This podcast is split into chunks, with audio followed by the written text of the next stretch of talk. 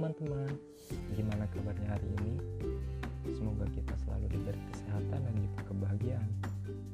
Baik, perkenalkan nama saya Muhammad Farhan Alifa dengan NIM 2007562 dari Fakultas Pendidikan Ilmu Pengetahuan Sosial, Prodi Pendidikan Sosiologi, Angkatan 2020. Dalam kesempatan kali ini, saya akan membahas sedikit tentang demokrasi di Indonesia.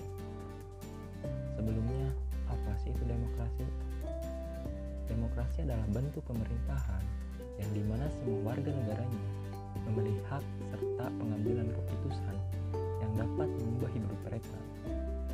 Demokrasi ini mengizinkan warga negara berpartisipasi baik secara langsung atau melalui perwakilan dalam perumusan pengembangan dan pembuatan hukum. Sesuai dengan topik pembahasan kita kali ini, Lalu bagaimana demokrasi di Indonesia itu? Jadi begini, demokrasi di Indonesia merupakan suatu proses sejarah dan juga politik perkembangan demokrasi di dunia secara umum hingga khususnya di Indonesia mulai dari pengertian dan konsepsinya demokrasi menurut para tokoh dan kemerdekaan Indonesia terutama Soekarno, Muhammad Hatta, dan Sultan Syahrir. Lalu, bagaimana demokrasi di Indonesia pada saat sekarang? Pelaksanaan demokrasi di Indonesia saat ini dari masa ke masa tidaklah sama. Mengingat undang-undang dasar pun kini berganti-ganti. Pergantian ini menyebabkan pergantian sistem pemerintahan. Lalu dasar demokrasi selalu mengacu pada rakyat mengenai yang pertama adalah pelaksanaan kekuasaan negara itu sendiri ialah diwakili oleh rakyat yang terpilih karena rakyat yang segala kepentingannya akan diperhatikan. Lalu dasar demokrasi yang selalu mengacu pada masyarakat atau pada rakyatnya. Yang kedua adalah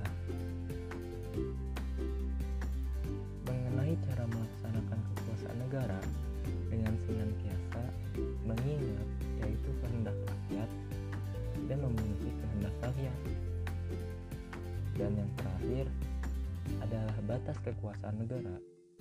Tentunya negara demokrasi yang ditentukan dengan sebanyak-banyaknya dan diperoleh dari hasil yang diinginkan oleh rakyat asal dan tidak menyimpang dari dasar demokrasi itu sendiri. Dengan adanya demokrasi di Indonesia,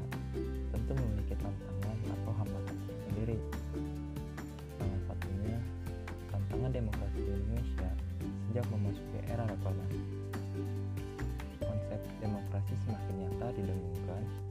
Hal ini terlihat dari kebebasan pers dan kebebasan berpendapat di kalangan masyarakat dalam mengkritik pemerintah.